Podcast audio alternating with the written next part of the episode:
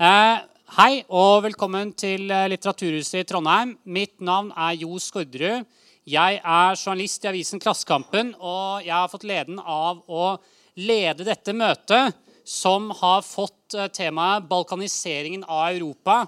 Og Grunnen til at det har fått den tittelen, er naturligvis boken med samme navn, 'Balkaniseringen av Europa', av Sylo Taraku. Eh, og han er jo da kveldens hovedgjest. Eh, Sylo han er statsviter, han er rådgiver for Agenda, eh, og han er opprinnelig fra Kosovo. Eh, og rømte derfra fra krigen på 90-tallet etter at hjemlandet hans gikk i oppløsning. Han skal få fortelle mer om den historien selv. Det er jo noe av bakgrunnen for denne boka. Men eh, det han nå ser, det han mener å se, er mange av de samme tendensene som gjorde at hans hjemland gikk i oppløsning, mener han nå ser rundt om i Europa i form av eh, polarisering, konflikt mellom elite, eller i hvert fall opplevd konflikt mellom elite og folk, økt nasjonalisme og konflikt. Og boka er eh, et forsøk på å peke en retning ut av det. Eh, jeg skal si litt om opplegget i kveld. Vi kommer nå til å invitere Sylo opp på scenen, hvor han får lov til å holde et foredrag på ca. 40 minutter. Etter foredraget så tar vi en sju minutters pause, hvor det er lov til å kjøpe seg noe i baren. Det er lov til å kjøpe boka til Sylo, som selges borte ved inngangen. Og han har lovet at uh, hvis, uh, hvis, det er noen som vil ha den signert, så er det også mulig å gjøre det etter foredraget. Nei, altså etter møtet i dag. Um, etter pausen så skal vi ha en liten samtale her oppe. Vi har fått Peder Martin Lysestøl, pensjonert eh, sosialøkonom eh, og forfatter av en rekke bøker, bl.a. Eh, en bok om Jugoslavia. Han har også studert i Jugoslavia og kjenner området veldig godt. Og vi skal ha samtale om en del av de problemstillingene som Sylo tar opp i foredraget. Eh, under den samtalen etter etter eh, pausen så blir det også mulig for publikum å stille spørsmål. Klok av skade så vil jeg oppfordre altså det, er, det er spørsmål, ikke foredrag. Eh, så man må være man må fatte, altså, man kan holde foredrag, men de i så fall være ekstremt korte. Og når jeg begynner å liksom veive med hånda og ta tilbake mikrofonen, og sånn, så betyr det at, at, da er dere ferdig med å stille spørsmålet. jeg, bare, jeg, bare, må si fra. Eh, velkommen, alle sammen. Og Spesielt velkommen til deg, Sylo. Vær så god, scenen er din. Tusen takk. God kveld, alle sammen. Eh, jeg jobber i Agenda, og vi er veldig glad i quiz. Quizkvelder. Vi samler folk og lager sånne quizkvelder i Oslo eh, ofte. Så jeg ønsker å begynne med et quizspørsmål til dere. Tipper på at flere her eh, kan svare. Men du får ikke lov til å svare, da. ja, hvem har sagt dette? Jeg er leder av et land som har to alfabeter, tre språk, fire religioner, fem nasjonaliteter, seks republikker, sju naboer og åtte etniske grupper. Tito. Tito ja, ja. ja. Um, det er alltid noen som, som husker Tito eh, i sånne forsamlinger. Ja, eh, Han sa det fordi han ønsket å imponere andre verdensledere eh, som han møtte.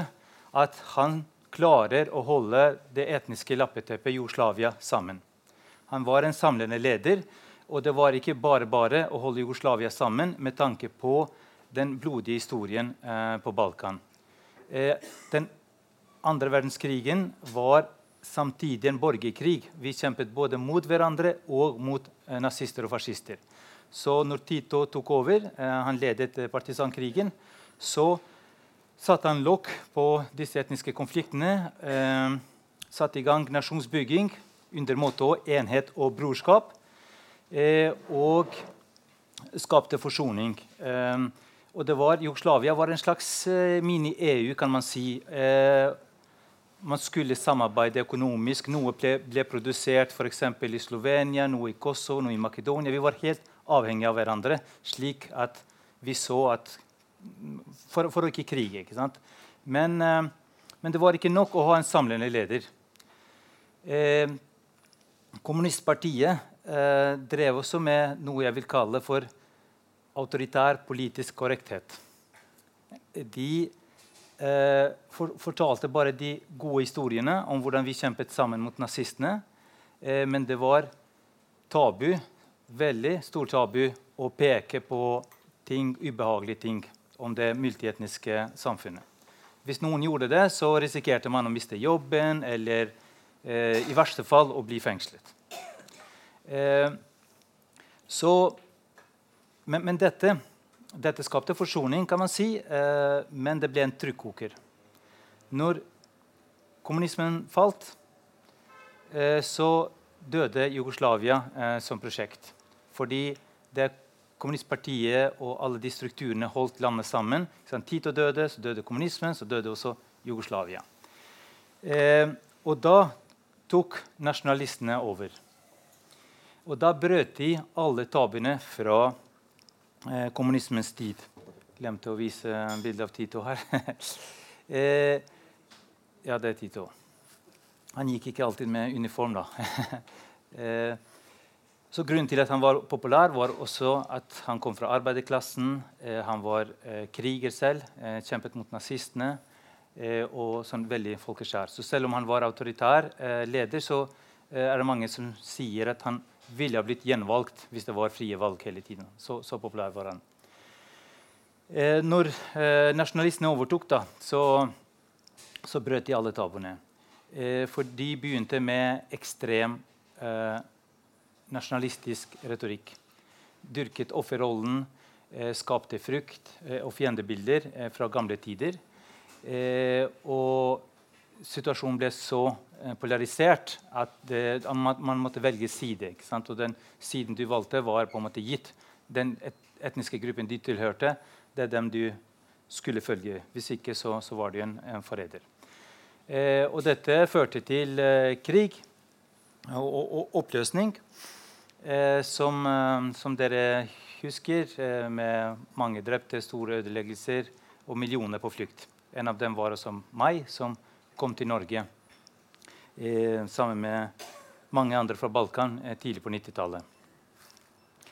Eh, så når jeg bruker ordet balkanisering, så er det noen som tenker at jeg snakker om krig, om, om faren for krig og sånt. Nei, jeg tenker på eh, polarisering, rivalisering eh, og oppslutning. Begrepet stammer fra Balkankrigene før første verdenskrig. Eh, det var to imperier som gjorde seg gjeldende på Balkan eh, før første verdenskrig. Østerrike-Ungarn og Det osmanske riket. Når de ble oppløst, så først kjempet vi mot disse imperiene. Så når de var borte, så kjempet vi mot hverandre og lagde mange små stater.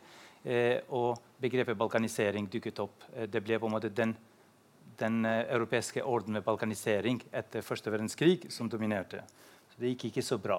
Jeg sjekket på Retriever om balkanisering brukes i Norge som ord.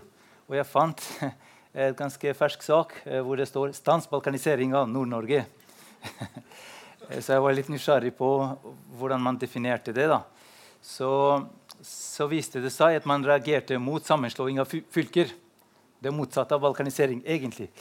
Eh, men, eh, men, man mente at eh, sammenslåing av fylker er så dårlig idé at den skaper konflikt og splittelser der oppe. Derfor må man ikke gjøre det. Så likevel en korrekt bruk av begrepet. når det gjelder faren for krig, så, så er jeg ikke så bekymret for det. Eh, men eh, selvfølgelig eh, en som har opplevd krig i, i, ungdom, i, ungdomstiden, på en måte tar ikke freden for gitt på samme måte som vesteuropeere gjør det, fordi man har hatt en veldig lang periode med fred. Jeg vet ikke om dere husker en sak med, i Aftenposten med Jens Stoltenberg, hvor han ble intervjuet. og han fortalte at han pleier å besøke gravene fra første og andre verdenskrig i fritida si, eh, og sa at europeere må huske at Europa var Midtøsten. Eh, historien i Europa er preget av mange kriger, eh, blodige kriger. Eh, men etter andre verdenskrig har vi hatt en veldig lang periode med fred. Eh, jeg bruker litt tid i, eller plass i boken for å fortelle de positive trendene tross alt, i, i verden eh, når det gjelder eh, akkurat krig og fred. Um, Steven Pinkers eh, han har forsket på dette og viser at verden blir stadig fredeligere. det er stadig færre kriger og, stadig færre drepte i de krigene som er. Syria er et veldig trist unntak, men ellers er de langvarige trendene positive. Eh, det er spesielt krig mellom, altså mellomstatlige kriger eh, har nesten forsvunnet. Eh, men det er mye eh, borgerkriger. Det er fremdeles eh, et problem med borgerkriger og failed states. og sånt. Eh, grunnen for hvorfor dette er sånn good to know, er å forstå hva er det som skaper fred og, og stabilitet. det er den internasjonalt baserte orden og ikke den balkaniserte som skaper mest stabilitet. Det er internasjonalt diplomati det er internasjonal handel, eh, og det er eh, at vi har blitt mer opplyste og mer tolerante, sier Pinker. Det har tatt veldig lang tid for eh, oss å finne en balanse mellom kaos eh, og tyranni. Eh, og det er mange stater som strever med det. Eh, men Pinker sier at demokratiet er en veldig bra sånn middle ground mellom kaos, orden Eh, eh, eller tyranni og, og, kaos. I Jugoslavia så hadde vi på en måte disse ytterpunktene. Først tyranni, så fikk vi kaos. Eh, og så prøver vi nå, liksom, prøver man nå å, å, finne denne middle ground. Men det som er eh, negative trender i dag, eh, er etter min mening tre ting. Det ene er at den inter eh, den liberale verdensorden eh, er blitt svekket. Eh, parallelt med svekkelsen av vestlig dominans. Eh, det er på en måte USA og Europa som er de viktigste bærerne av denne orden eh, som vi har skapt etter andre verdenskrig. Eh, og spesielt da etter den kalde krigen. Men nå ser vi at svekkelsen av Vesten har gitt større spillerom til autoritære regimer, eh, og at folkeretten betyr mye mindre i dag enn en tidligere. Eh, og så ser vi en negativ trend når det gjelder demokratisk frihet i verden.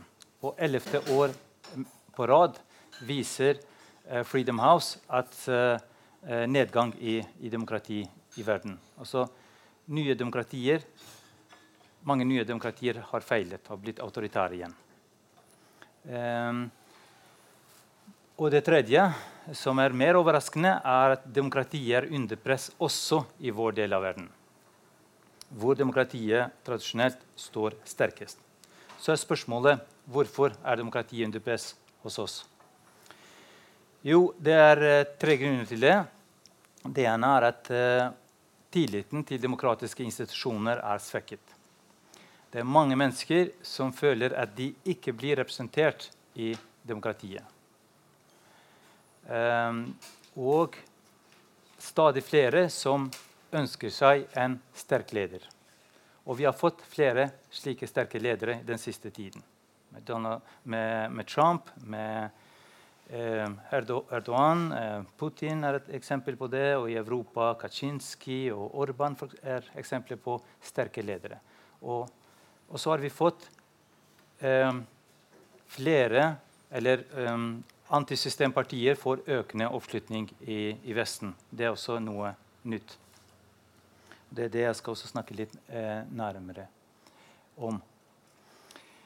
Eh, disse partiene da, som, eh, som, kalles for populistiske, eh, og her tenker jeg først og fremst på, på høyrepopulister, de eh, utfordrer de politiske systemene i Europa i dag. Eh, man kan si at vi ser en slags balkanisering av de politiske systemene. Eh, den forståelsen av politikk vi har etter andre verdenskrig, er aksen fra venstre side til høyre side. Mens disse populistene da sier at den aksen eksisterer ikke. Det er, eh, eh, det er en annen akse som gjør seg gjeldende nå det er mellom globalister og patrioter, eller nasjonalisme versus globalisme. Eh, og De ser alle de andre partiene som veldig like, som en del av et, av et establishment som, som, de er imot. Og det har blitt stadig vanskeligere å ha ideologisk koherente regjeringer i, i Europa i dag eh, pga. Eh, inntoget av høyrepopulistiske partier. Nå I Italia akkurat nå så forhandles det om eh, en stor populistisk eh, koalisjon eh, som, som, er veldig eh, spesiell. Så hva er populisme? Eh, det er ikke noe eh, entydig definisjon av det, men jeg tenker at dette sitatet fra Nigel Farage er på en måte selve definisjonen. hvis dere ser det. Han, det er en klar dikotomi her mellom folk og elite. Og så får folket og eliten eh, veldig forskjellige attributter. Folket er de rene, de ærlige, de ekte. Mens eliten er de, de korrupte. De er de som står i veien for folkets vilje. Eh, og her er det også en annen ting, og det er at folket må liksom bekjempe disse multinasjonale eh, eh, selskaper, overnasjonale organer og sånt, for å få makten tilbake. Så eh, det populistene ønsker, er mer makt til folket, kan man si. Repolitisering. Det er en følelse eh, der ute at veldig mye er blitt rettsliggjort.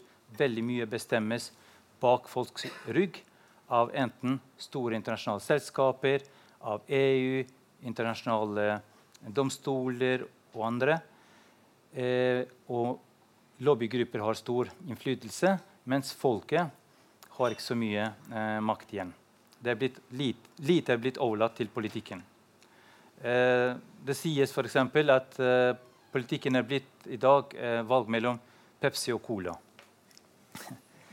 Eh, og, og, da er det veldig naturlig eh, det, for populistene å være imot domstoler og imot internasjonale organer, for de ønsker mer direkte demokrati og raskere demokrati at de liker ikke sånne veldig langsomme, trege demokratiske prosesser. Derfor eh, er de glade i folkeavstemninger, f.eks. Hvorfor? Jo, fordi det er sånn typisk eh, lett eh, og rask politikk hvor man setter noe på spissen, ja eller nei, svart-hvitt, eh, og at flertallet bestemmer. Eh, så de, de, demokratiforståelsen Eh, at flertallet bestemmer, minner meg på den demokratiforståelsen vi fikk i Jugoslavia etter kommunismens fall. Eh, da tenkte man at ok, demokrati betyr flertallet bestemmer. Så kjørte man med, eh, med folkeavstemninger om uavhengighet. Så fikk man uavhengighet, og ingen brydde seg om minoritetene. Det var ingen eh, gode prosesser i forkant. Hva skal vi gjøre med de uavhengige statene? Hvordan skal vi inkludere minoritetene? Hvordan skal vi leve sammen? Nei, man tenkte bare at flertallet bestemmer. Punktum. Så eh, populistene eh, er pro-demokrati, kan man si, men eh, antipluralisme. Og i forlengelsen av det også eh, kan være autoritære. Det de er opptatt av, er eh, mer kontroll. Eh, kontroll over økonomien, kontroll over grensene, kontroll over nasjonal identitet. og og appellerer til folk som, har, som føler seg glemt, og som uh, føler seg sviktet av uh, eliten. Og det har ikke vært vanskelig å uh, appellere, fordi det har skjedd ting som gjør at mange føler at eliten og, og, heller ikke EU har levert i det siste. Og det er, eh, Jeg forklarer eh, det, dette med flere sånne kriser. Eh, det er store diskusjoner, akademiske diskusjoner når det gjelder populismen. Hvor, hvor mye er det sosioøkonomiske forklaringer, og hvor mye er kulturforklaringer. Det er en typisk diskusjon mellom sånn venstreside og høyreside, hvor venstresiden har en tendens til å legge veldig stor vekt på økonomiske forklaringer, mens høyresiden mer på kulturelle forklaringer. Jeg har også forsøkt å, å forstå dette bedre. Jeg, jeg tenker at eh, sosioøkonomiske forklaringer er egentlig sånn et utgangspunkt. For etter finanskrisen så eh, Hva skjedde i Europa? Jo, eh, den skapte både mistillit til elitene. Den skapte også mer pessimisme. Det er en pessimistisk ånd eh, i Europa i dag. Mer usikkerhet. For globaliseringen har egentlig, egentlig bidratt til å minske forskjellene i verden. Mange er blitt løftet ut av fattigdom. eh, spesielt i Kina. Så man kan si at eh, globalt sett har globaliseringen hatt veldig gode effekter. Men for Vesten har den bidratt til økt ulikhet. Fordi mange av jobbene har forsvunnet ut eh, fra USA og fra, fra Europa til f.eks. Kina. Eh, og det er de som eh, altså Du har både vinnere og tapere. Jeg har selv vært i Nord-Frankrike og besøkt eh, sånne gruvebyer eh, som har eh, vært sånn arbeiderklassesamfunn hvor sosialistene har dominert i alle år. Eh, men som nå eh, er blitt bastioner for eh, Marine Le Pen og Front National. Hvorfor? Jo, når man reiser dit, så ser man at alt er i forfall. folk som har hatt en stolt arbeiderklasseidentitet, nå går i trygd, er arbeidsledig. Og, og, det er sånn fattigdom som går i arv. I, i flere generasjoner har de gått på, på trygd. Eh, og hva er det de hører fra eh, elitene? Jo, at det er utdanning som er det gode livet.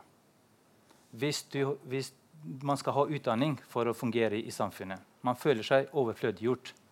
Eh, at, det, at det ikke er behov for arbeiderklassen lenger. Eh, og, og, da kommer da, eh, Le Pen og sier vi ser dere, vi, vi anerkjenner dere, eh, og vi skal representere dere. Eh, problemet er at hun da gir dem falske forhåp eh, forhåpninger når hun snakker om å bringe industrien tilbake, proteksjonisme og beskytte fransk eh, økonomi osv. Eh, det samme gjelder i, um, i USA. Jeg så en, eh, en dokumentar eh, om Kentucky hvor det var mye fattigdom der. Eh, og hun som lagde dokumentaren, lurer litt på hvorfor i all verden stemmer disse på Trump når de er så avhengige av Obamacare, f.eks. Eh, men, det, eh, men det som er interessant i dag, da, er at det er ikke eh, nødvendigvis økonomiske interesser eh, som, eh, som betyr mest når folk skal stemme. det er også moralske interesser som eh, psykologen Jonathan Haidt eh, snakker om.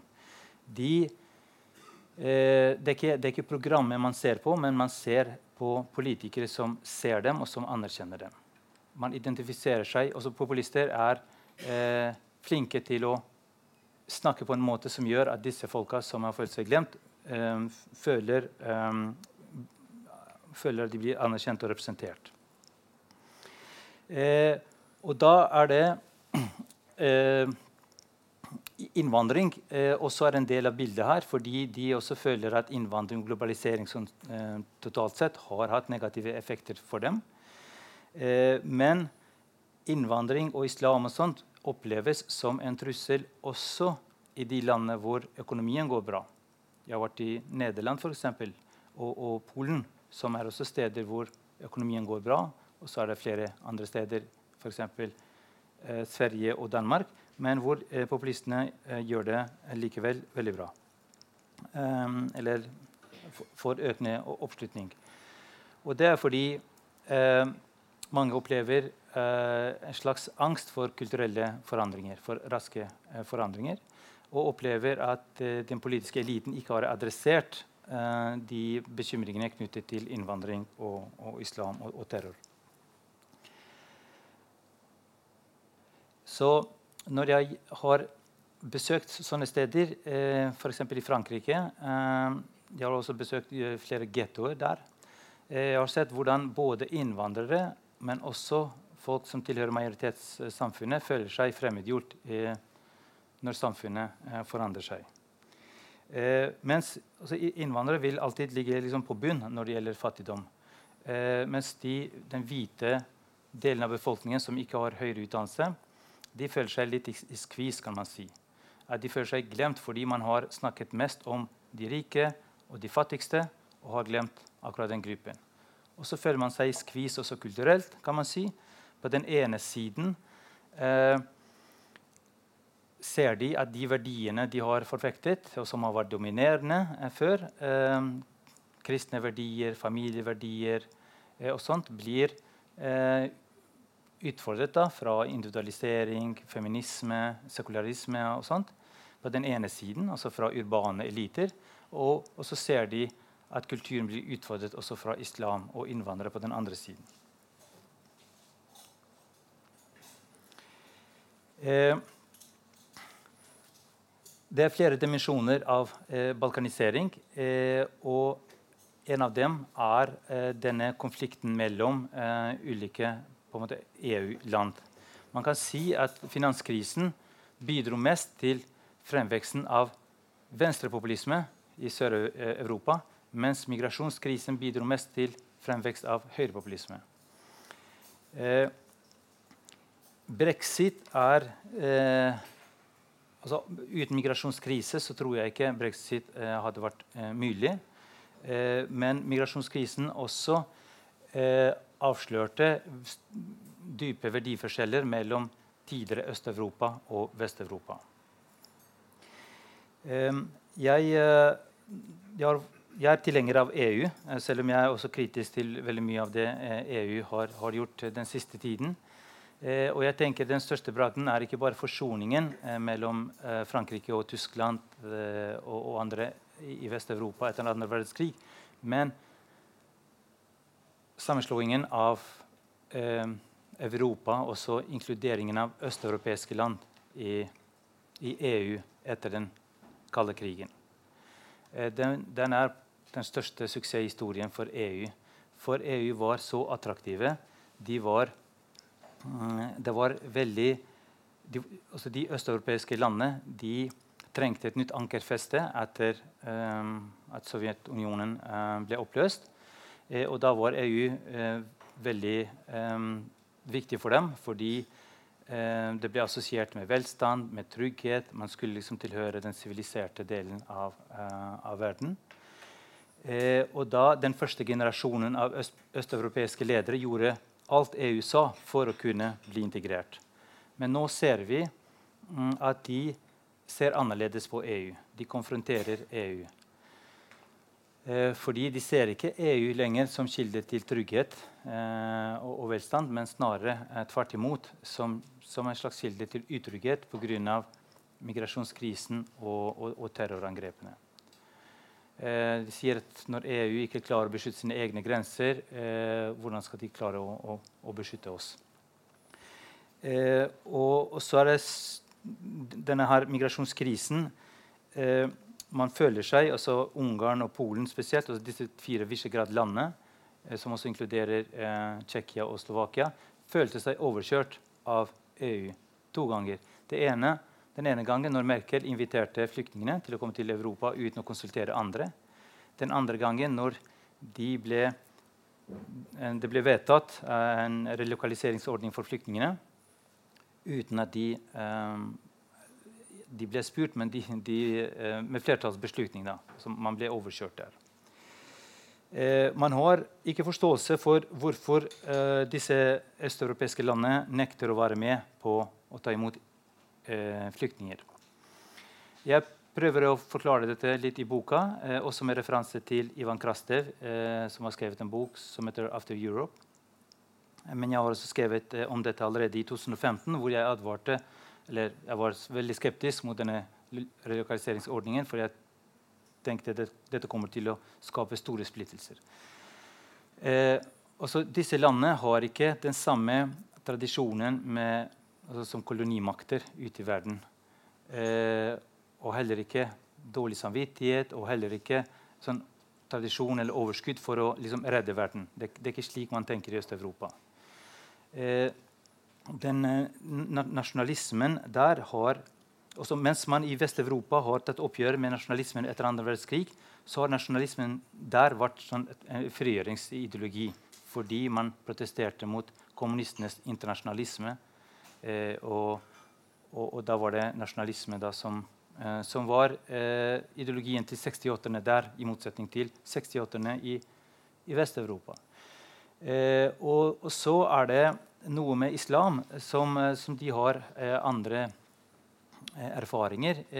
Man, man, snakker jo om osmansk de også, krigene mot, mot osmansk invasjon og sånt, som om det har skjedd på en måte i går. Eh, man husker det. og eh, det er en del av identiteten. Så Orban for eksempel, fremstiller seg selv som beskytter av Europa. Liksom at Ungarn igjen har påtatt seg oppgaven å beskytte disse europeerne som ikke forstår hvor trusselen kommer fra. Eh, men det er jo eh, sånn typisk eh, nasjonalistisk å overdrive eh, trusselen og fremstille seg selv som eh, redningsmann. Eh, vet dere hvor mange muslimer det er i Polen, hvor det snakkes veldig mye om den islamske faren? Noen som har forslag? Hm? Nei, altså prosent? 0,1% I Ungarn 0,0006 jeg Når jeg var i Warszawa, så så jeg det var noen kebabsjapper. Men, eh, men, det var bare polakker som, som drev dem. Ingen, ingen, muslimer å se. Likevel så, så, snakkes det så mye om islam, og, og, det er demonstrasjoner mot islam. Og når folk blir spurt om hvor mange muslimer det er i Polen, så tror de at det er millioner av dem. Eh, så Eh, populistene ja, representerer folk, men de også er med å skape holdninger. De representerer ikke bare holdningene som fins. fordi det er det som er ofte argumentet. Ja, ja, disse holdningene fins, de blir representert i debatten. Ja, men de skaper disse holdningene. Eh, F.eks. mot islam eller eh, denne følelsen av at de er truet. Når det gjelder akkurat Polen, eh, så, så, har jeg også prøvd å forstå hvordan hvordan er det mulig at Polen blir så nasjonalistisk når Polen er egentlig en suksesshistorie? Bare for å illustrere det. I 1990 så hadde Polen og Ukraina samme BNP. Polen er tre ganger rikere enn Ukraina etter at de ble eh, integrert i EU. Og Ukraina er i, i borgerkrig. Så det viser noe om viktigheten, altså hvor viktig EU har vært for, for Polen. Men uh, verdsetter man EU, eh, e eller snakker man om hvor, hvor viktig EU var for Polen? Nei, man gjør ikke det. Man legger skylda på, på EU for alt, alt, som går galt. Og så har man nå en veldig konfronterende retorikk både mot EU og mot Tyskland. Så jeg har prøvd å forstå dette. Eh, og de jeg, jeg, har snakket med der, eh, sier at eh, Polen har erfaring med å liksom bli sviktet av andre eh, og ønsker å stå mer på egne bein nå, stoler ikke lenger på, eh, på EU. Og grunnen til denne eh, angsten er at altså aggresjonen, altså Russlands aggresjon mot Ukraina eh, og brexit også gjorde at man blir nå mer skeptisk til Tysklands dominans i EU. Så de føler seg presset mellom liksom, Russland på den ene siden og Tyskland på den andre. Også Tyskland så de som nerven. Men nå har de bare snudd helt og til og med krever krigserstatning fra, fra Tyskland. De har skjerpet eh, retorikken der. Eh, den nevnte Krastev sier også at østeuropeere har andre erfaringer enn vesteuropeere. Vi har eh, opplevd hvordan eh, systemer kan eh, kollapse. Også, mm, husk at kommunismen var et veldig stabilt system. Eh, men så har vi opplevd store transisjoner eh, liksom nesten over natta.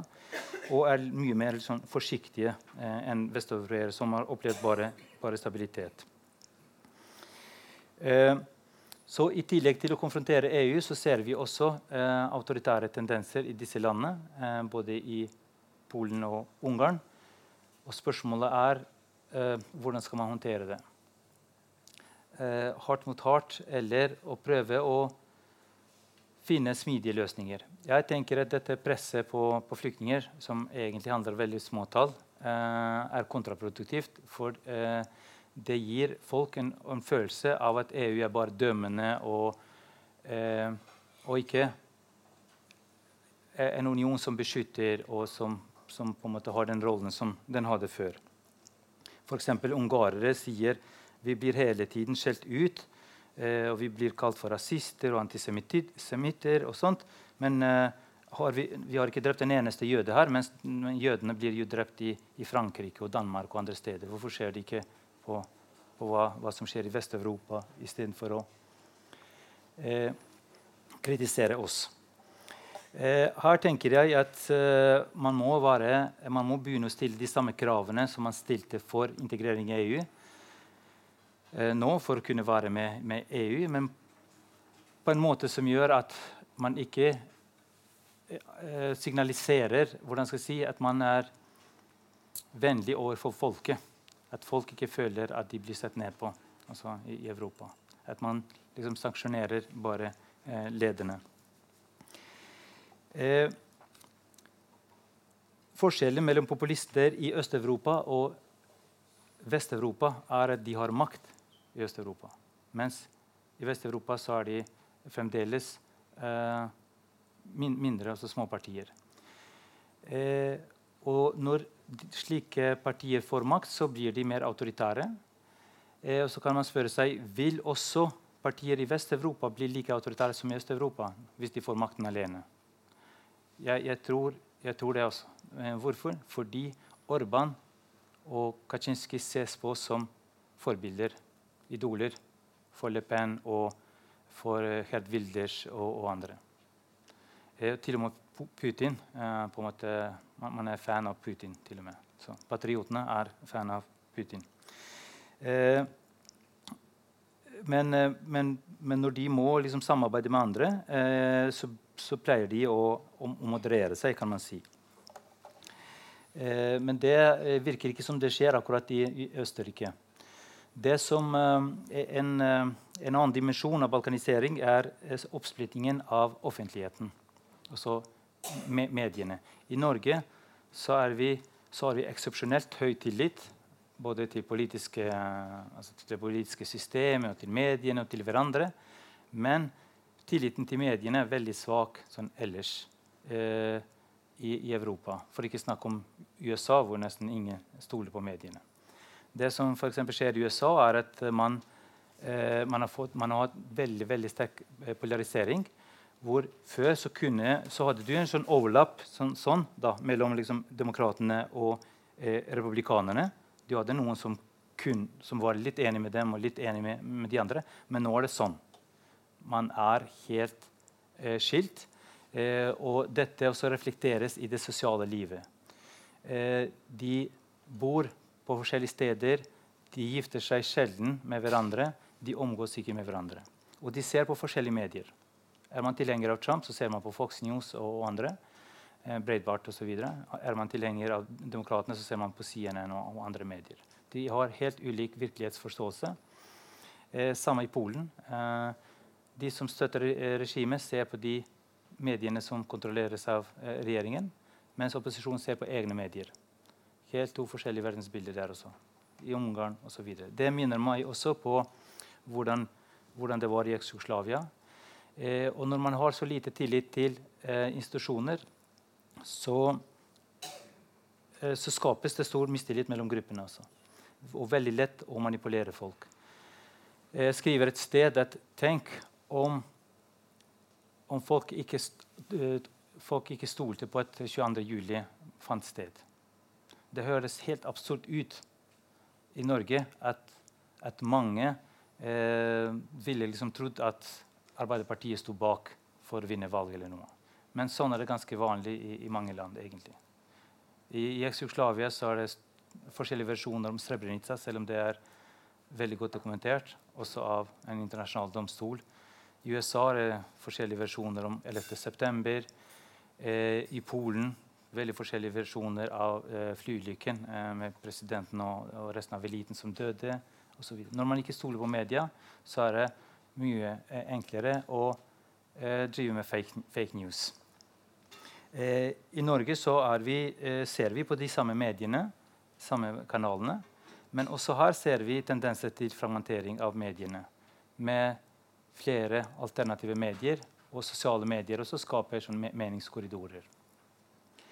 Eh, det har alltid vært, eksistert sånne pamfletter og sånne små medier som har, har hatt sånne alternative eh, hvordan skal jeg si, nyheter. Men de har, de har, vært veldig veldig mar marginale. Men i dag så er det veldig enkelt å skape sånne medier på Internett. Eh, du behøver ikke ha så store ressurser. Og du kan nå til mange flere. Fordi det er, det er, enkelt, og spesielt i, i sosiale medier. Eh, de alternative mediene vi har, som RSC, Dokument.no og HRS, de har alltid Eh, de er alltid på ti på topp når det gjelder saker de legger ut. blant de mest leste. kan man si. Så du har medier med store ressurser og tradisjoner, og så har du alternative medier som konkurrerer med dem når det gjelder oppmerksomhet, deling, kommentarer og sånn. Så eh, dette også passer for eh, populister og de som har en sånn konfliktorientert eh, tilnærming. Eh, for de får mer oppmerksomhet, eh, og den oppmerksomheten også gir mer makt. Flere populister har f.eks. Eh, boikottet tradisjonelle medier og bare satset på eh, Facebook og, og, Twitter. Ja. Eh, fordi de tenker De vil ikke på en måte en forstyrrelse. Altså, man skal liksom ha direkte kontakt med folket. Eh, mediene filtrerer budskapet. Etter, eh, ifølge dem så setter de feil ting på dagsorden. Eh, og og stiller kritiske spørsmål. Via Facebook så kan de direkte kommunisere med egne velgere. Og så får de likevel stor oppmerksomhet fordi de sakene de legger ut, plukkes opp av mainstream media, og de får den oppmerksomheten de er ute etter. Um, det eksempelet med Sylvi Listhaugs post om eh, Arbeiderpartiet illustrerer litt eh, problemet. For fordi politikken er blitt så, eller politiske partier er blitt så like, kan man si, så, så, er man opptatt nå av å synliggjøre forskjellene. Og da tenker jeg det er fint å synliggjøre forskjellene. Ja. Men man gjør det også på en måte som eh, som man overdriver veldig. I, I, den nevnte saken så var det ikke så store forskjeller mellom det Arbeiderpartiet sto for, og, og Frp. Begge ønsket å frata statsborgerskapet til de som utgjør en, en eh, fare for nasjonal sikkerhet. Men de var bare uenige om prosedyrene. Men så ble det fremstilt i, i veldig sånn typisk populistisk stil. Vi er mot terror, de er uh, for terroristenes rettigheter. Og det er akkurat denne formen for kommunikasjon som er uh, veldig ødeleggende. At de, opposisjonen eller de andre fremstilles som forrædere. Uh, nå ble det ikke akkurat sånn fremstilt, men jeg tenker sånn generelt da, um, i, denne saken. så hva kan man gjøre? Når det gjelder akkurat det, hvordan konfrontere populistisk retorikk, så er det et stort dilemma. Hvis man går hardt og kritiserer dem, så blir, blir deres fortelling nesten bekreftet. For uh, denne sånn, fortellingen med at folk versus elite står i konflikt mot hverandre. Uh, men hvis man ikke konfronterer, så vil disse uttalelsene bli normalisert. Også ting som har vært helt uhørt å si før, er normale nå. Tenk Hert Wilders. Han konkurrerte for eh, statsministerstolen i, i, Nederland, veldig liberalistisk land. Han snakket om å stenge alle moskeene og forby Koranen, eh, og kalte marokkanere for avskum. Helt uhørt for en del år siden, men blitt normalt nå. Eh, når det gjelder eh, demokratisk deltakelse, så tror jeg at det er en misforståelse blant flere politiske partier som tenker at vi må være mer til stede hvor folk er. Banke på folks dører og sånt. Populistene gjør ikke det. De har, altså, Herr Wilder for eksempel, han har et program med bare en ark. Eh, og han eh, har et svakt parti, og det er mange av, av, disse partiene egentlig kaller seg selv for bevegelser og har ikke så stort apparat. Men, men det handler om verdi verdidistanse. Så at mange føler at de snakker eh, for dem. Eh, men så har de et poeng at eh, mye er blitt rettsliggjort, og at man ikke har adressert integreringsutfordringene og innvandring eh, og terror. Så her tenker jeg at mainstream-partiene må bli flinkere til å eh, ta eierskap til disse debattene. Jeg også er, eh, tar til orde for bedre kontroll av innvandring uten at man Eh, det betyr ikke mindre solidaritet med flyktningene, men at det blir regulert. Fordi det er det som skaper angst og bekymring. Det er når denne uforutsigbarheten, migrasjonskrisen, at ting er ute av kontroll, og at eliten ikke klarer å håndtere eh, disse tingene. Eh, og så må vi finne en måte å konfrontere populistisk retorikk uten å stemple deres velgere. Eh, F.eks. når Sylvi Listhaug skrev den posten der, så er det veldig riktig å kritisere. Men å si f.eks. som, som Inga Marte Torkelsen sa hun burde skamme seg for at hun får blomster fra rasistene, er en sånn typisk eh, feil måte å, eh, å, konfrontere dem på. fordi da stempler du en stor del av befolkningen som, som rasister. Og, og, bekrefter faktisk det bildet som de, som de, tegner. Så med det takker jeg for oppmerksomheten og eh, gleder meg til debatten etterpå.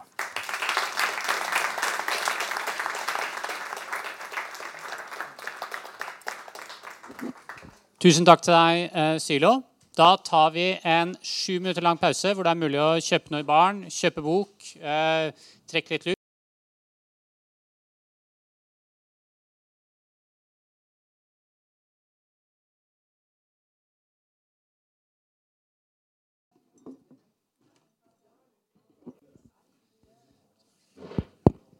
Skal vi se. Da var mikrofonen på. Da tenker jeg vi har hatt eh, akkurat passe lang pause. Så da starter vi med samtalen her oppe. Måten vi gjør det på, er jo da at vi prater litt her først, og så på et tidspunkt så åpner jeg for eh, publikum. Da er det, vi gjør det veldig enkelt. Dere får bare rekke opp hånden når dere har noe å si. Jeg prøver å skrive dere ned, og så må dere ikke ta anstøt når jeg kaller det ting som liksom eldre Herman uten hår og sånt noe. For sånn blir det, for jeg kan ikke navnet deres. Er, men, men, jeg er like, like, kjip mot alle, så ingen, uh, ingen trenger å bli lei seg. Eh, Peder Martin Lysestøl, eh, du, kjenner jo, du, kjenner jo, Balkan godt, eh, som vi sa. Du har skrevet bok om det. Eh, og nå har du også fått eh, høre på dette foredraget. Jeg tenkte vi skulle starte med å la deg komme liksom, noen innspill og spørsmål til Sylo helt på start. Og så hopper jeg inn fra siden hvis jeg lurer på noe. Ja, tusen takk. Jeg trenger ikke den. Jeg høres. Jeg høres. Eh, Temaet som Sylo tar opp, er veldig interessant og interesserer meg veldig, så jeg gleder meg til å lese boka di det må jeg si, eh, både balkanisering av Balkan og eventuell balkanisering av EU. Store spørsmål og vanskelige spørsmål som diskuteres masse. Særlig eh, den balkaniseringen av, av, Balkan som har skjedd, eh, blir jo ikke historikerne ferdig med. Hva skjedde egentlig da Jugoslavia ble oppløst? Eh, det fins masse teorier om det og stor uenighet om spørsmålet. Men jeg skal ta, starte opp med det. fordi jeg har lyst til å se litt på Hvorfor ble Jugoslavia oppløst? Eh, altså, du legger stor vekt på de nasjonale uenighetene. Eh, og Det er klart, det fantes nasjonale uenigheter. Men da jeg var student i Beograd, som var omtrent på den tida du ble født, eller noe sånt, så, så var de nasjonale motsetningene i Jugoslavia relativt små. Jugoslavia var en vinner i internasjonal politikk. Tito var en liten helt, eller en ganske stor helt. Og eh, det var en suksess. Jugoslavias nasjonale økonomi hadde vokst dobbelt så fort som Hellas og Portugals og nærma seg Vest-Europa. Og jeg opplevde et land som ikke var i ferd med å bli oppløst. I det hele tatt. Og det var altså 1900 og uh, rundt 1970 eller noe sånt. Uh, så den historien. Og så skjedde det en utvikling som førte til at Jugoslavia ble oppløst. Jeg, var, jeg satt på den partikongressen i 1991. Eller var det 1990? Det var midt på vinteren, enten 90 eller 91, 90, ja, hvor jeg satt på partikongressen. Hvor alle jugoslaviske kommunistpartier satt samla. Og de diskuterte hva skjer. Og kroatia, kroatiske representanter sa vi vil bli selvstendig. Og alle så at det her gikk den veien. Og jeg fortalte Sylo at det var veldig sterkt å se at gamle menn det var bare menn som var fremme på scenen. Gamle menn gråt, faktisk. De hadde vært personlige venner en hel generasjon. Mange har kjempa under partisankrigen sammen. Allikevel forsto de at landet måtte, måtte oppløses. Og da, Hvilke krefter som førte det her? Og jeg tror at for å forstå det her, så må du også se litt på EU, ikke bare Jugoslavia. For Jugoslavia var på det tidspunktet en utfordring for EUs prosjekt om å styrke kapitalismen i hele Europa og la de fire friheter få dominere Europa. Eh, og eh, et eksempel på det er at da Kroatia i 92 krevde selvstendighet, så ble EU-landene enige om at vi skal ikke akseptere selvstendigheten før vi har diskutert hvordan løsrivingen skal skje. Til tross for det så anerkjente eh, Tyskland eh, Kroatia som, som, selvstendig stat før EU fikk diskutert det. Det var så viktig for Tyskland å få løst opp Jugoslavia og knytte eh, den delen av Balkan til seg. Så jeg tror at Sterke ytre krefter har spilt en viktig rolle. Sterke økonomiske krefter har spilt en stor rolle. fordi at Motsetningen på Balkan starta først da Jugoslavia kom i økonomisk krise på slutten av 70-tallet. Eh, altså, landet var ganske solid før det begynte å ta opp svære lån i utlandet. Greide ikke å betale gjelda si, fikk økende problem. Nasjonalitet, altså De ulike republikkene i landet du fortalte hvor mange republikker det var, altså seks republikker, begynte å slåss seg imellom når økonomien ble dårlig. Så det er sterke økonomiske element. Og det mener jeg du må også overfor på EU hvis du skal forstå hvorfor EU i dag er trua. Men altså, første spørsmål i dag er litt mer om hvorfor Balkan, eller først og fremst Jugoslavia. Da, for du snakker om Balkan her, så er Jugoslavia, ikke hele Balkan. En del av Balkan ble jo da, ble jo da selvstendig etter at Sovjetunionen ble oppløst. Men altså, den delen av Balkan vi snakker om, er Jugoslavia. Eh, det andre som jeg lurer på, det er at du har en fremstilling av jeg kan kanskje svare på det første først. Ett i gang. Et i gang. Okay. Ja, Det er et godt spørsmål. Eh, jeg skriver litt om forskjellen mellom demokrati og autoritære regimer. Eh, og et, et sted så eh, siterer jeg en statsviter som forteller denne forskjellen. For man ser jo nå at autoritære regimer gjør det bra økonomisk, også, sånn, f.eks. Kina. Men han sier at vi er det beste systemet, altså demokratiet, til å unngå det verste. Hvorfor? Jo, fordi dårlige nyheter kommer tidsnok i demokratier, slik at vi kan gjøre noe med, med saken. Mens i autoritære regimer så, så, folk, så, får ikke folk dårlige nyheter i, i tide. Eh, økonomien gikk veldig bra i Jugoslavia, eh, men vi visste ikke at det var så mye gjeld. Vi visste ikke at det var en sånn tikkende bombe økonomisk at, at, vi ville få en finanskrise, sånn som mm. EU, før det liksom smalt. Eh, det er den ene eh, siden av saken. Eh, og det andre er eh, den, eh, når, at institusjonene som holdt Jugoslavia sammen, ble oppløst. Så oppsto det et, eh, et, vakuum som ble fylt av nasjonalister. Jeg husker selv partikongressen. Jeg var veldig ung, men fulgte med på TV direkte. Faren min var også kommunist, og han fulgte med interesse. Vi hadde en nabo der, og de diskuterte politikk. Og når det gikk så dårlig i partikongressen, så sa naboen eh, til faren min det blir krig. ikke sant? Mm. Faren min sa nei, nei, nei, det, det kan ikke bli krig. Altså. Er, vi har levd lenge i, i, fred. og sånt. Han sa nei, dette er starten eh, av krig. Eh, for eh, han var eldre og liksom husket eh, hvordan det hadde gått. Og det ble sånn, dessverre. Og jeg er enig i at den prosessen når det gjelder oppløsning, gikk veldig dårlig. Den kunne ha blitt håndtert bedre.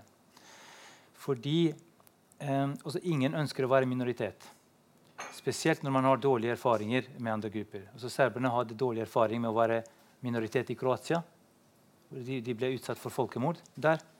Eh, og de ønsket ikke å være det. Eh, fordi oppløsning av Jugoslavia betydde at serberne ble splittet.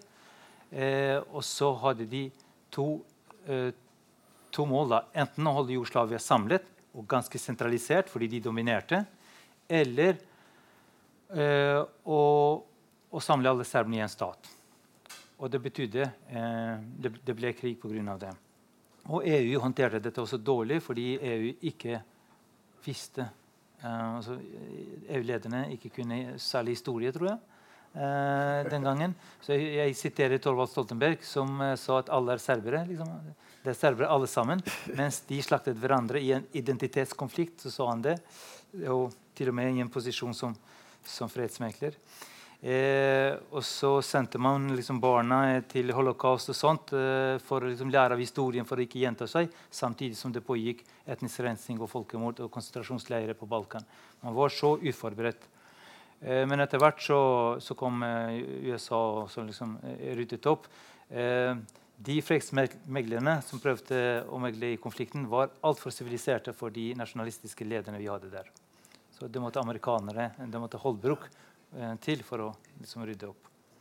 Men eh, det var mange moderate krefter. Problemet var at de ble overdøvet av nasjonalistene. nasjonalistene som, fordi De så det opportunt å spille de nasjonalistiske strenger for å komme til makten. Eh, og de fikk, fordi de fikk veldig mye eh, støtte eller velgere fra eh, si, distriktene.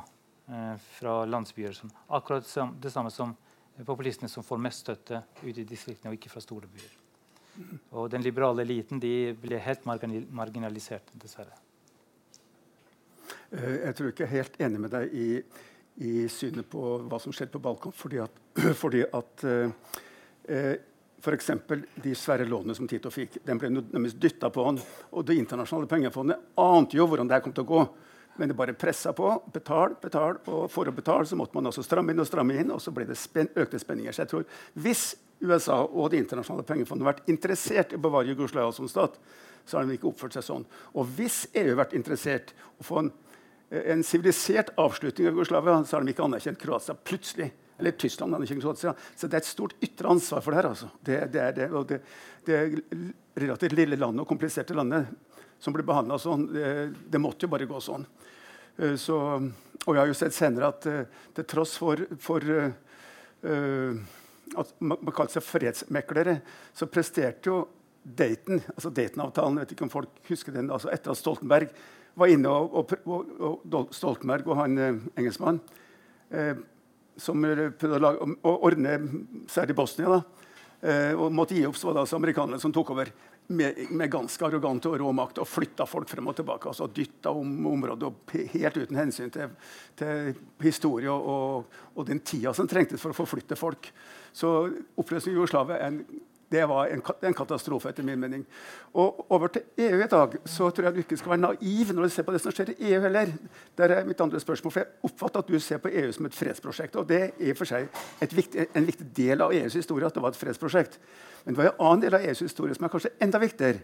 Og det var at EUs, de store europeiske selskapene måtte ekspandere og trengte et fritt indre marked, akkurat som USA hadde et stort fritt indre marked.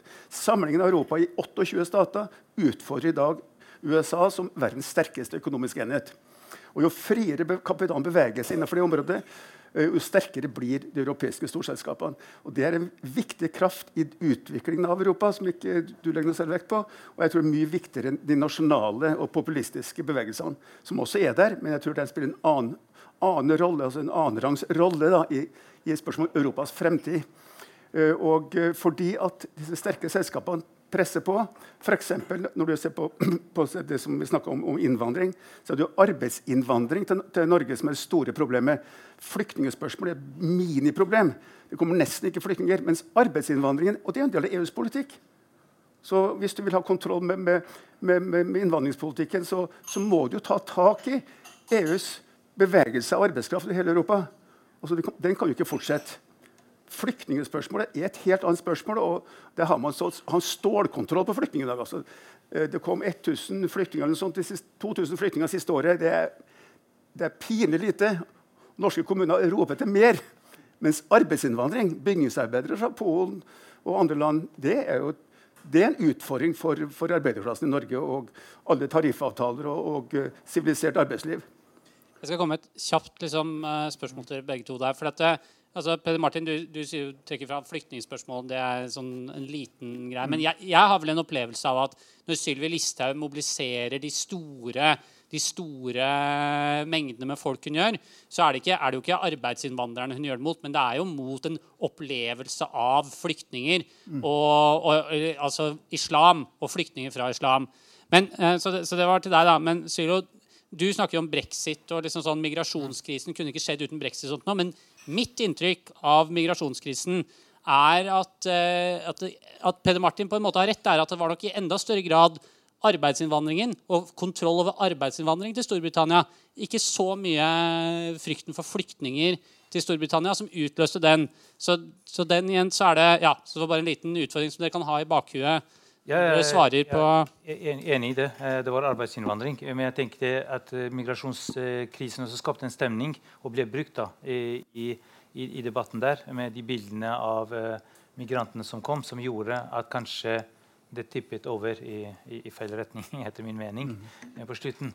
Men jo, arbeidsinnvandring det som, som, skaper store debatter i Storbritannia fordi den har andre innvirkninger der, og i Frankrike også, for så vidt enn f.eks. i Norge, hvor vi ikke har hatt særlige debatter når vi har f.eks.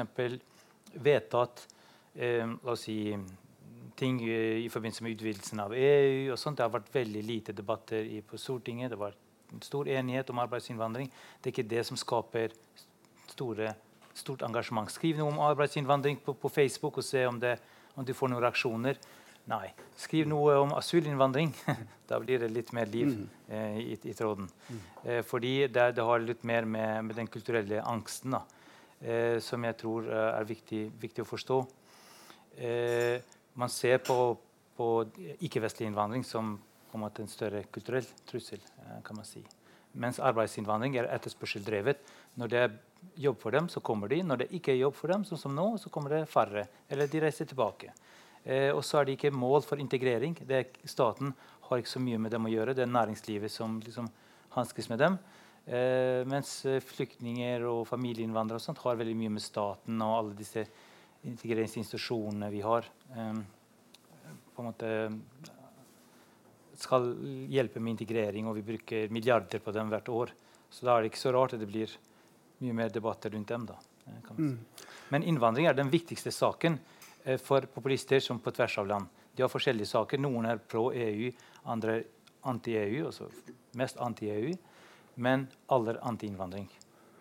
Uh, men et spørsmål fra meg da. Uh, hvorfor snakker du om innvandring, ikke om arbeidsinnvandring og flyktninger? For, fordi Det er ganske viktig synes jeg, å skille prinsipielt. Hvis journalister skiller prinsipielt, og politikere skiller prinsipielt, og forfattere skiller prinsipielt, så vil det kanskje påvirke opinionen litt også, at de ser forskjellen. For det er svær forskjell. Eh, selv om selvsagt, som du, du, har rett i de fleste flyktninger blir De reiser ikke tilbake når markedet blir dårlig. De blir, for de kan som regel ikke reise tilbake. Så, så vil de bli en, på å si et, en sak, Det blir mennesker som må integreres. Men det er så få at i Norge i dag så oppfatter ikke folk det. Statistisk sentralbyrå sine galluper viser at 70 av nordmenn, nordmenn sier i dag at flyktninger er velkommen. Faktisk. Det store flertallet. Og det er en undersøkelse fra januar. Tror Altså de, eh, de, setter pris på mangfoldet eh, og ser på en måte innvandrere som generelt som berikelse. Men når det gjelder eh, holdninger til hvor streng innvandring skal være, så, så er 80 eh, enten for å ha like restriktiv politikk som vi har i dag, eller strengere. De som vil ha mer liberalt, tilhører minoriteten, så ca. 15-16% kan man si. Så det er jo mye som tyder på at uh, politikken i EU når det gjelder ikke-vestlig innvandring, har vært mer liberal enn det som har vært på en måte, legitimitet i befolkningen. Så du har fått en sånn backlash fordi eh, man har hatt altså, Kass Mode, som er populismeforsker, eh, han definerer populismen sånn illiberal respons på ikke-demokratisk liberalisme. Illiberal respons på ikke-demokratisk liberalisme. Fordi man, altså EU står for liberale verdier f.eks. Eh, relokalisering av flyktninger. De, de, tenker det er en bra ting å gjøre. Dette er liberalt å gjøre. Derfor er det legitimt at vi skal tvinge Øst-Europa til å bli innvandringsland. Fordi det er liberalt. Men det blir ikke demokratisk. Og du får den responsen som blir veldig nasjonalistisk, og som på en måte gir disse nasjonalistiske lederne en sak eh, som de misbruker. Dessverre. Uh, I forbindelse med nasjonalismen så er det et tema som du ikke tok opp, og som jeg, som jeg lurer på er viktigere enn det vi har snakka om nå. Og det er religionsstyrke i Øst-Europa. Hvordan altså Den ortodokse kirka har styrka seg veldig nå etter, etter løsrivelsen fra, Sovjetunionen. Og, og, også en serbisk-ortodokse kirke og, og, og eh, katolske kirka i eh, Kroatia. Og muligens også islam i islamske områder i Serbia. Jeg vil tippe det også skjer, det vet jeg ikke noe om. Men jeg vet at uh, i hvert fall ortodokse kirker er veldig sterke. Cirka, I Beograd nå så har de bygd den største uh, katedralen som største serbisk-ortodokse katedralen i verden, som er bygd nå. I vår tid. En kjempekatedral som du ser fra overalt i Beograd. Ja, eh, det, jeg skriver så litt om, uh, om, det i boken, om Polen f.eks. Det er helt utrolig hvor konservativt Polen er. Eh, både i distriktene og i byene så er folk veldig veldig religiøse og, og konservative. Man skulle ikke tro det. Mm. Eh, det skiller seg veldig ut fra de andre i, i, i Øst-Europa. Så Kirken står veldig, veldig sterkt der. Så det er en kombinasjon av både religion og, og nasjonalisme. Eh, og I Ungarn så har de en slags sivilisasjonsnasjonalisme, kan du si. Eh, hvor man ikke snakker bare, bare også i Polen men mer i Ungarn f.eks. Man snakker ikke bare om hvordan vi skal beskytte Ungarn, og ungarsk kultur. Som, hvordan vi skal beskytte den kristne sivilisasjonen i mm. Europa. Så de ser på EU som på en måte en trussel mot nasjonal identitet og den, den kristne Europa. Eh, som gjør at man, ha, man, får sympati også fra nasjonalister og kristne eh, fundamentalister andre steder i Europa når man snakker i sivilisasjonstermer. For hadde, hadde, man vært bare ungarsk nasjonalist, så hadde man ikke nødvendigvis sympatisert så, så mye med, med, Orban, men han snakker liksom på vegne av hele, hele den vestlige sivilisasjonen. Kan uh, jeg ta et spørsmål da, hvis du hadde, hadde fått sånn mm. cirka svar på det du trenger? Fordi at eh, jeg, jeg, merker meg at du, du, du, nevner dette på innvandring. Du, du har jo kasta deg inn i innvandringsdebatten i Norge. Du har skrevet en bok om innvandring tidligere som jeg som jeg sikkert skulle nevnt når jeg liksom hadde sånn presentasjon av Sylo. Men du har i hvert fall, du har skrevet en bok om, om det tidligere. Eh, og, og, du sa det jo her oppe fra scenen i stad, så sa du at, eh, at i eh, innvandringspolitikken så har nok EU vært mer liberal enn det, de, enn det folk, inn, folk, ja, folk, altså innbyggerne her. Men, men, jeg lurer på, og, og det er du da, da tenker du da må vi handle, da må vi liksom justere det riktig. da. Men, men jeg tenker, er ikke det noe av problemet på veldig mye i EU at, at, at man i den økonomiske politikken f.eks. har vært mye mer liberal når det kommer til å flytte altså, eh, til, altså, altså Åpnet for konsekvensen av frihandel. Man har vært mer liberal på frihandel, man har vært mer liberal på å flytte makt bort fra lokale institusjoner. Og eh, på samme måte som innvandring, at man har hatt en for liberal innvandringspolitikk, har ikke også en for liberal økonomisk politikk skapt den aggresjonen som gjør at folk er mottagelig for og så kan du, Vi kan krangle litt om på en måte populismebegrepet og, mm. og systemkritiske partier. Jeg mener at det ikke nødvendigvis altså, det er ikke nødvendigvis en dårlig ting. Men, eh, men jeg tror vi er veldig enige om at de høyre, høyrepopulistiske partiene de er noe svineri. Men, eh, men er ikke det Har man ikke gjort akkurat det samme som man har gjort på innvandring, også på en masse andre områder? Og bør vi ikke da også ta tak i den misnøyen? Ja, det er et godt, godt spørsmål. Også jeg skriver at demokratisk underskudd uh, er en kronisk sykdom for EU. For de får ikke den nærhetsdemokratiet. Altså, de får ikke den samme legitimiteten som de får lokalt eller nasjonalt når et overnasjonalt organ tar viktige beslutninger som skal gjelde for, for alle.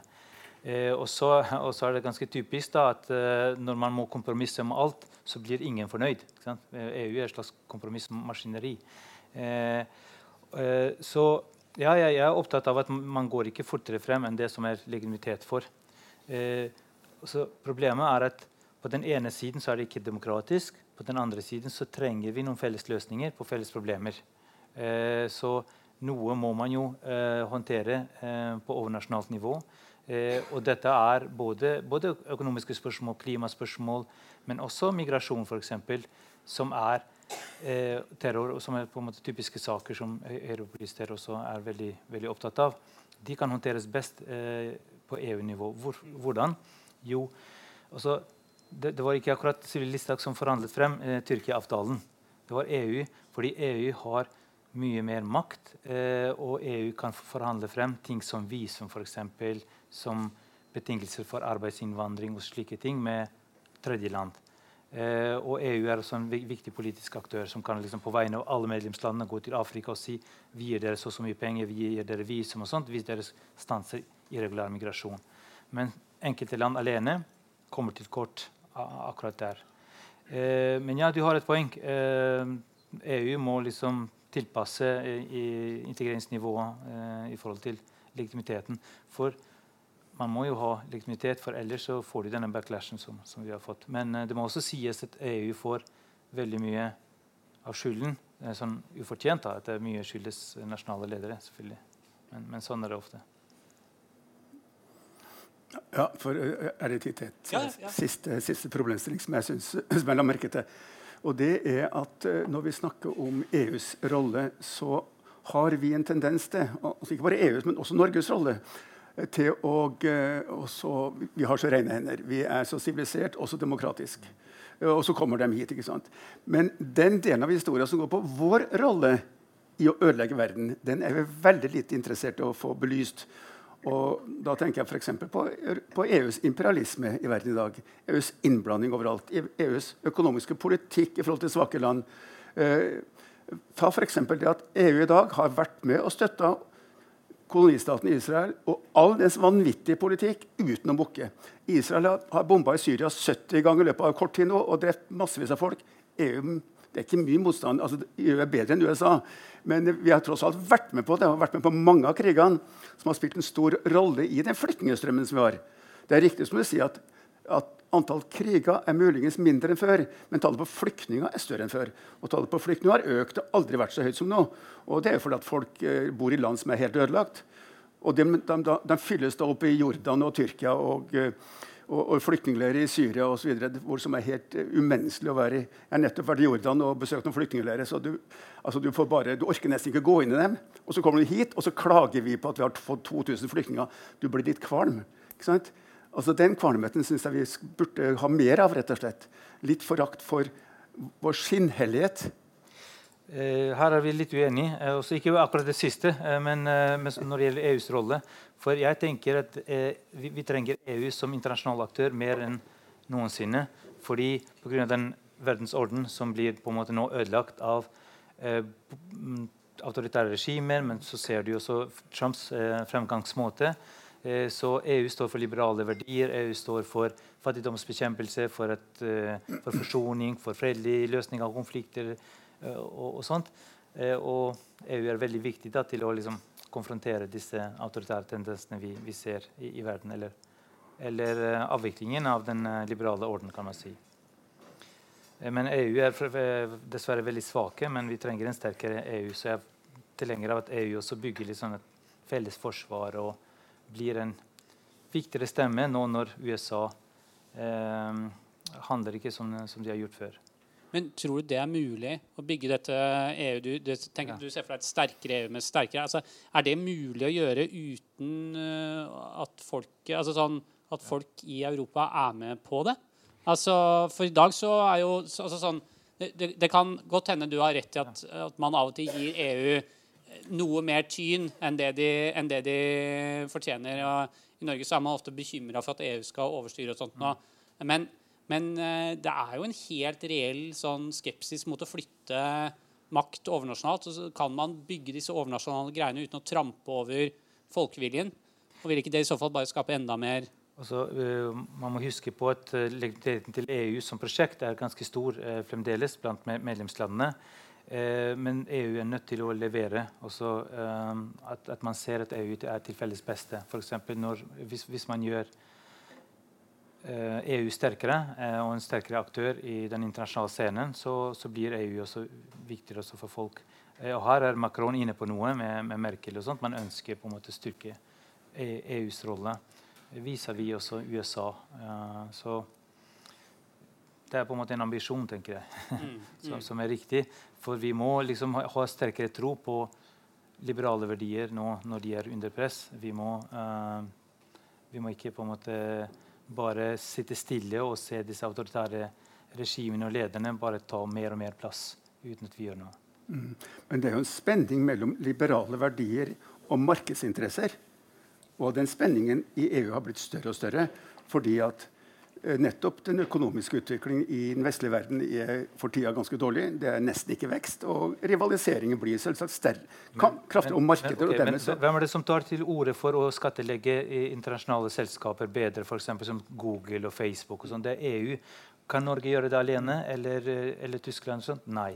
Men EU eh, kan f.eks gjøre det? Kan jo, altså, regulere det, sånne ting? Det er tosidig. EU kan selvsagt gjøre det, men gjør det i veldig liten grad. Men de kan ja, gjøre det. Det, jobbes med eh, saken. Og, ja, jobbes med saken, men ja. disse store europeiske selskapene har stor frihet i Europa til å bygge opp kapital som de kan okay. ekspandere med. Folkens, dette her var veldig interessant. Nå merket jeg, at, uh, merket jeg at publikum også ville kaste seg på. Det var et helt bord her som tegnet seg, og jeg har sett én her. Er det noen i denne siden av salen? Er det noen andre som jeg ikke har sett foreløpig? Det er bare å tegne seg fortløpende underveis. Men da starter vi med, med Bart. Uh, ung mann med bart. Uh, du kan uh, ta ordet. Trenger du mikrofon, eller? Nei, jeg tror at jeg kan snakke slik at de fleste hører. først vil jeg takke for en interessant innledning. dette med selvfølgelig er det jo ikke helt, eh, tror jeg, helt riktig å, å kategorisere den nasjonalistiske eh, siden sin fremvekst i mange EU-land som en balkanisering. Derimot så har det en del fellestrekk eh, med eh, både det som har skjedd i Balkan, men også det som vi ser over store deler av den vestlige verden, nemlig det faller sammen med kall det sosialdemokratiets eh, fallitt. Og på ruinene av sosialdemokratiet vokser den nye høyrepopulismen. Hovedfienden er jo i konspirasjonsteoriene Arbeiderpartiet her hjemme i Norge, og det er sosialdemokratene i større del eh, av Europa. Ungarn f.eks. er jo et av de beste resultatene. De var jo sosialdemokratiske for et lite tiår siden. Eller i hvert fall på vei til å kunne bli det, inntil korrupsjon og en del andre ting eh, felte da sosialdemokratene til fordel for Fidesz og Orban. Så, men spørsmålet mitt går mer i den retninga hva skjer eh, med disse landene? Eh, er det mulig å forestille seg eh, ett rike, to system eh, i Europa? Og vil eh, ledere som Macron, eller hvor mye makt ønsker ledere som Macron og Merkel faktisk å bruke i Øst-Europa?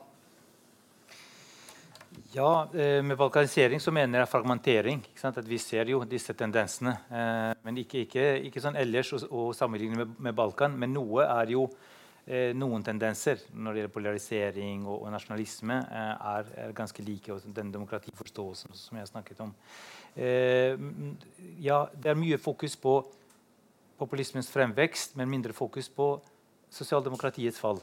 Eh, det er eh, helt utrolig hvordan de har mistet eh, innflytelse og mistet velgere de siste eh, årene. Eh, I Polen eksempel, så har hele venstresiden gått under sperregrensen. Det, det er dramatisk. I, i, I Nederland også har de falt eh, veldig, veldig ned. Eh, og så er det mye, mye som, eh, som kan forklare dette. Eh, men du er inne på noe når du snakker om korrupsjon, eh, spesielt i eh, Øst-Europa. Altså, når man har vært en sånn dominerende politisk eh, skal si, enhet da, i Europa i lang tid, hva skjer med de som styrer styrende partier? Jo, de har en tendens til å bli maktarrogante og til å distansere seg fra folket, fordi de styrer så mye. De, de følger ikke med på hva som rører seg ute i, i, i folket. Eh, og du får da denne, eh, denne backlashen eh, senere. Eh, men jeg tror også mye skyldes i den siste tiden eh, at de både er ansvarlige og, var et ansvarlig parti. Uh, altså, velgerne er ikke så takknemlige eh, for ansvarlige partier som har skapt gode økonomier, uh, inkludert i Øst-Europa. Man blir straffet når man må kutte, og f.eks. etter finanskrisen. Uh, det å kutte er ikke populært. Og så ligner man veldig på høyrepartier. Og da går man på ytterfløyene. Stemmer på de som er enda mer til venstre eller enda mer til høyre når det er sånne kriser. Men så har de ikke vært så flinke til å adressere disse eh, utfordringene knyttet til migrasjon og, og terror. og sånt. Når verden oppleves så mye mer truende, eh, og når sikkerhet er mye mer på dagsorden, så tenker folk at ok, sosialdemokratiske partier de, de snakker om ulikhet, og sånt, men det er jo luksus. Det er terror, det er migrasjon, det er sånne ting eh, som er alvorlig nå. Og da trenger man lov- og ordenpartier. De som lover liksom mer orden, da, mer eh, kontroll på, på disse tingene. Eh, men eh, når det gjelder hvordan skal man løse denne konflikten om EUs retning, eh, så, er det også snakk om man skal ha sånn tohastighets-EU. At noen eh, går sammen og skal liksom ha EU sånn som er, i dag, mens andre skal integrere seg tettere. Sånn. Jeg er litt sånn skeptisk til det. At vi får, vi får liksom mer fragmentert EU. A- og B-lag og sånt. Kanskje heller at man tilpasser seg og opinionen. Da. Man, man prøver å bevege seg i tråd med det som er legitimitet i befolkningen. Og, og at lederne også blir flinkere til å se verdien av EU der det er, det er mulig. At, at EU fokuserer litt mer på viktigere saker enn enn hvor, hva slags agurker man skal liksom, eh, produsere. og sånne, Produsere sånne direktiver hver dag. Det, det tror jeg er ikke nødvendig. Den var det du har lov til å hoppe på etter hvert, men du okay. gir, ja, navn. eh, Jeg bare gir uh, spørsmål videre til uh, neste Herman Skjorte. Ja, ja, jeg har egentlig mer ko- kommentar enn et uh, spørsmål. Vil du ha den her, forresten? Med kommentar et spørsmål. Pro, pro, ja, problemet med EU det er at det har egentlig ikke fungert verken institusjonelt eller noe særlig økonomisk, særlig med tanke på valutaunion. Og De snakker også kort om forsvarsunion. Altså Det har vært på dagsorden i, i EU i mange år. Det siste var PESCO-initiativet. Og når det kom til Jugoslavia, og jeg er selv derfra opprinnelig, så var det jo USA som stoppet krigen. Ikke, ikke europeiske land, ikke Tyskland, ikke Frankrike. Eh, og realpolitisk så må vi si at EU eh, er veldig, veldig, veldig svake. Dessverre er jeg enig, enig. Jeg skriver flere, flere, steder i boken hvor jeg beskriver humanitære intervensjoner og sånt. Hvordan EU samlet ikke kommer USA til knærne når det gjelder militær innsats. Eh, man var helt avhengig av at USA kom og ryddet opp på Balkan.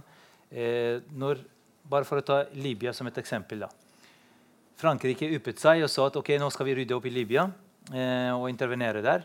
Eh, og da sa Obama var ikke interessert, men sa greit, dere får gjøre det. Vi liksom ønsker å ha lav profil. Vi, vi er liksom lei av disse intervensjonene. De er ikke så populære i USA. Men klarte man det? Man klarte ikke engang eh, å intervenere i Libya uten at USA måtte ta, ta over styringen og, og, og, gjøre jobben. Mer enn 80% av bombingen i, i Serbia også ble gjort av USA alene. Så der har EU et stort problem. Altså at, eh, og Jens Stoltenberg ser jeg prøver eh, å få EU-landene til å bli litt sånn, mer bevisste av forsvarspolitikk. Den eneste som eh, satser veldig mye på forsvar, er Polen. faktisk. Eh, og det er fordi de ønsker å stå mer på egne bein eh, og ser mer mot eh, USA enn en Europa. Og de har også stormaktsambisjoner. Men det mener jeg er altså litt uheldig, da, at vi får liksom Nation Games istedenfor fellesskap i EU, eh, som, som, vi har hatt de siste ti årene. Dessverre. Martin, å si, eh, for da har jeg tegnet deg, og så har jeg tegnet deg. Så jeg får dere ikke sett noen andre. Så bare Ja, og deg. Da vet du at du skal få lov til å hoppe foran nå, siden du er da. Sånn er det meg. Sånn er, sånn, sånn er jeg. Eh, ok, Martin først. Nei, et spørsmål til, om forsvarspolitikk. Fordi at Her er en stor motsetning. Man bygger opp en sterk økonomisk enhet som rivaliserer med USA, og Kina og andre på verdensmarkedet uten våpen. Det er en motsetning som jeg tror må løses på et eller annet vis. Så lenge EU og USA står tett sammen, så er Nato løsningen. Men når USA og EU ikke står tett sammen lenger, så må EU gjøre noe med det. Og jeg tror dette er et av de problemene som bidrar til oppløsningen av EU. faktisk. Jeg tror at EU har, vil ha kjempeproblemer fremover. Det er mange, mange saker, men dette er én av sakene. Eh, jeg vil, og jeg vil si Guds lykke at ikke EU har, har et eget forsvar. må jeg si. Vi trenger ikke flere imperialister i verden som, som herjer militært. Men det for EU sin del, som er ute etter makt og ute etter å få større innflytelse i verden, så er det å ikke ha forsvar et svært problem. Som kanskje burde vært gitt mer, gitt, gitt mer plass i diskusjonen om EUs framtid. Helt enig. Kommenter det kort? Jeg er bare enig, enig i den analysen. Ja, da tar vi deg først. Og så, ja, du bare falt. Ja, um, bare, bare en kommentar og så ett spørsmål. Um, jeg er gift med en ungarer, og jeg har bodd uh, mye i Ungarn. Og jeg var, var der i 89, og var, og var, der før 89 også. Jeg var faktisk på den første demonstrasjonen hvor vi følte, eh, nasjonalistiske uh, demonstrasjonen hvor vi følte at nå kom til noe å skje. Og det som jeg husker fra den gangen, var at dem som, start, dem som begynte hele den prosessen, var faktisk små nasjonalistiske forlag som, som eh, forfattere mm -hmm. som, eh, som, skrev og kritiserte eh, kommunismen. og der tror jeg faktisk altså det, det, det, Vi følte jo det at kommunismen var på vei ut. Og det der var det som fylte, fylt vakuumet. Et annet spørsmål til deg. Jeg har følelsen av, i hvert fall i Ungarn, det siste valget Problemet var jo selvfølgelig Orban. Men et like stort problem var opposisjonen. Hvor er opposisjonen eh, i, i, eh, i, i Øst-Europa? En god uh, opposisjon er like viktig som en god regjering. Helt enig. Veldig god observasjon fra din side.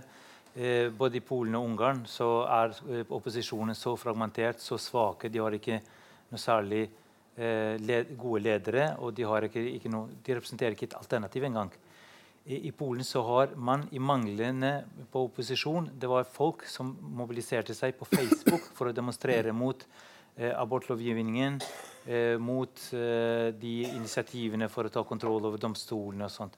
Det var faktisk folk på Facebook det sivile samfunnet som gjorde det, fordi opposisjonen er så svak. Så Det er også en del av forklaringen. Eh, og opposisjonen har også vært korrupte, så de har mistet mye legitimitet blant folket også. Så det tar litt tid eh, til noen eh, utfordrer Orban. På samme måte som Putin, som ikke har noen motstandere, så har heller ikke disse sterke ledere noen reelle motstandere i Ungarn og Polen. Yes, da tenker Jeg at vi tar, eh, jeg har to spørsmål igjen. Eh, hvis det er noen tre spørsmål. Eh, er det da nå, Jeg setter strek nå, så hvis det er noen flere som har spørsmål, så må de tegne seg nå eller for alltid holde sin Ja, OK, da, var det, da har vi fire. Eh, ok, men da tar, to, da tar, vi to, og to spørsmål. Så tar vi deg, og så tar vi deg. Og så får dere svare, og så tar vi dere to. Og så får dere komme med noen korte avsluttende bemerkninger helt på tampen.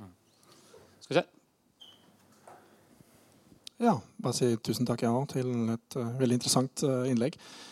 Uh, og det stusser kanskje litt på det at for du, du, nevner jo mange viktige ting her om for eksempel, i forhold til EU og sånne ting. Men jeg føler liksom litt oppskriften din er liksom mye av det samme. da. Du nevner Macron, for eksempel, som er en massiv forkjemper for nyliberale verdier og tankegang.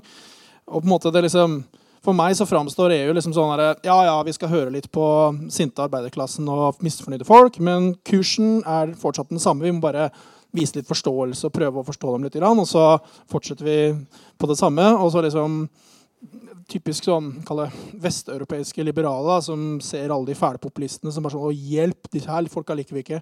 Og da klamrer man seg til EU-masta for alt det er verdt. For å liksom på en måte Vi må holde, tross alt holde tak i det fyrtårnet, samme søren, hvor, eh, hvordan den økonomiske politikken deres fungerer. F.eks. at de reduserer altså, statlige monopoler det krever at de skal privatiseres. Altså, masse sånne type ting da, som kanskje er litt De virker ikke så, så fælt og så dumt ved første øyekast.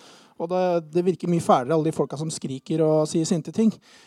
Så måte, slik jeg ser det, så på en måte altså, Mange som har prøvd, prøvd, å reformere EU. Vi har prøvd å legge om kursen. Men jeg, slik jeg ser det, så tror jeg ikke det er mulig. Det, EU er altfor entrenched da, i den der ideen om at det nyliberale prosjektet skal fortsette, og på en måte hvor endestasjonen er et mest mulig integrert Europa, minst mulig nasjonalstat og et altså, Bare se på lovene, f.eks. Altså, det er kommisjonen som utformer lovene. Den parlamentet skal bare si ja eller nei til lovene. Så jeg, jeg, jeg syns du har veldig mange gode argumenter i måte, innlegget ditt. Men jeg sliter litt med å forstå hvorfor skal EU være løsningen. Takk skal du ha. Uh, yes. Nei, vi skal ha et spørsmål okay. til. bare sånn at vi fast for. Da tror jeg vi tar nestemann med en gang, fordi jeg må svare svar på det egentlig. Strålende. Da tar vi deg. Ja, eh, Per Martin vi har diskutert mange ganger før. Vi er ikke helt enige i alt. Eh, og eh, støtter meg veldig til din, din idé om EU og um, om din hva skal du si, visjon. For det er egentlig det du snakker om på mange måter. Så det syns jeg er veldig artig. Jeg savner én ting, og det var når du snakka om fremvekst av populismen. Så snakket du om at det var menneskene følte seg ikke sett. De følte at ting, altså ting foregikk over hodet på dem. Eh, du snakka om multinasjonale selskaper og organisasjoner. Men du sa ingenting om korrupsjon. Og det er etter mine fattige begreper en meget vesentlig del. Jeg har litt kunnskap til akkurat Kroatia. Der er det et, eh, når det er valg, så er det tipping mellom venstre og høyre side omtrent like store. Spør du hva folk syns og hva de vil stemme, så sier det spiller ingen rolle. De er like korrupte begge sider. Så jeg vil gjerne ha et lite kommentar på akkurat det. Jeg enighet. korrupsjon er ja, så skal jeg komme tilbake til den. Ja. Korrupsjon er en del av eh, forklaringen, men også i Frankrike. I Frankrike så tapte de etablerte eh, partiene i sentrum, eller høyre- og venstresiden der, eh, tapte også mye pga. veldig mye korrupsjon og sexskandaler. Sånn. Folk var veldig lei av det. Eh, når det gjelder populisme, bare for å nyansere litt eh, populis altså Populismen har en del positive eh, sider. da. Eh, det at man mobiliserer folk som har mistet tilliten til det politiske systemet, er veldig viktig. Eh, at man demper ekstremisme også. Det er forskning som viser, faktisk norsk forskning som viser at der hvor høyrepopulister står sterkere, er det mindre høyreekstremistisk vold. Apropos trukkoker-teorien, som får en, eh, en, god del støtte der. Eh, de eh, korrigerer kanskje, kommer med god kritikk mot uh, korrupsjon og, og, og maktorganse og sånt. Eh, så det er en del positive ting. Pluss det jeg liker med populistene, er at de feirer det ordinære mennesket. At de sier at mennesker er fornuftige og sånt, eh, og, ikke bare, eh, og ser ikke ned på folk. Eh, problemet er bare den, vulgære eh, svart-hvit tilnærmingen. Pluss at de glemmer å inkludere også minoritetene i begrepet av folket. De snakker alltid negativt om minoriteter. Og det er en urovekkende ting, da, kan man si. fordi hva skjer da når de får makten? Hva skjer med minoritetene da? Eh, eh når det gjelder EU, så, så, er jeg opptatt av at EU ser på EU som fredsprosjekt, ser på som demokratistabiliserende prosjekt. Eh, og som, en viktig, som gjør at europeere kan ha en viktig stemme internasjonalt når vi står sammen fordi vi er svake alene. Selv med EU er vi svake, men likevel litt sterkere. Men altså kritisk til eh, Brussel, altså de kommisjonene, f.eks. Juncker, han ser på integrering, mer integrering som et mål i seg selv. Um, jeg forstår ikke hvorfor det skal være sånn mer og mer integrering bare fordi Hvorfor det? Altså, vi skal ha felles løsninger der det er nødvendig, tenker jeg. Uh, og da, der EU kan gjøre en forskjell til det felles beste. Ikke bare fordi man skal liksom gå en vei mot uh, føderasjon eller mot en sterkere union. Uh, det tenker jeg fører, fører, til sånne backlasher som vi har, vi har opplevd.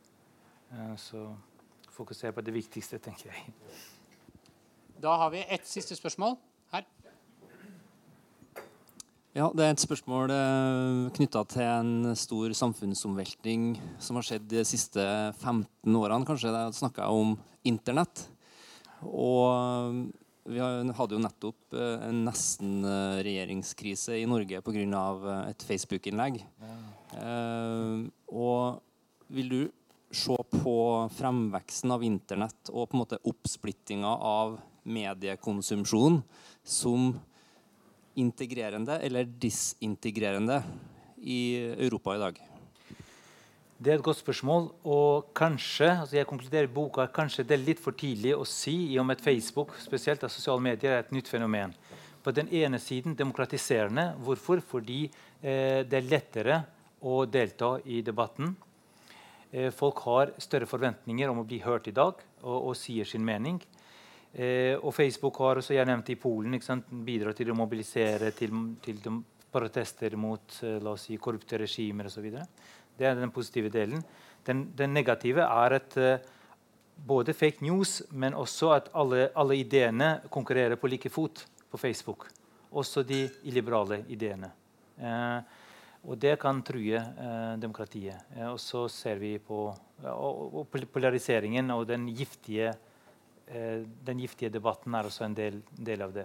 Hvis du skal få mange delinger, og sånn, så må du ha litt eh, statusoppdatering med litt passion og med litt sånn konfliktstoff. Lettere å bli hørt, eh, men eh, vanskeligere eh, å bli hørt hvis du er moderat i all den støyen som skapes på, på, Facebook. Det er gjort en undersøkelse i USA som viser hvem som bruker mm, Twitter mest. Jo, det er ytterfløyene eh, som får mest oppmerksomhet eh, på Twitter og sosiale medier. For det, det, det, sier seg selv at de som skaper mest temperatur i debatten, som får mest plass, og de overdøver, overdøver de moderate. Så det er en fare for demokratiet, faktisk.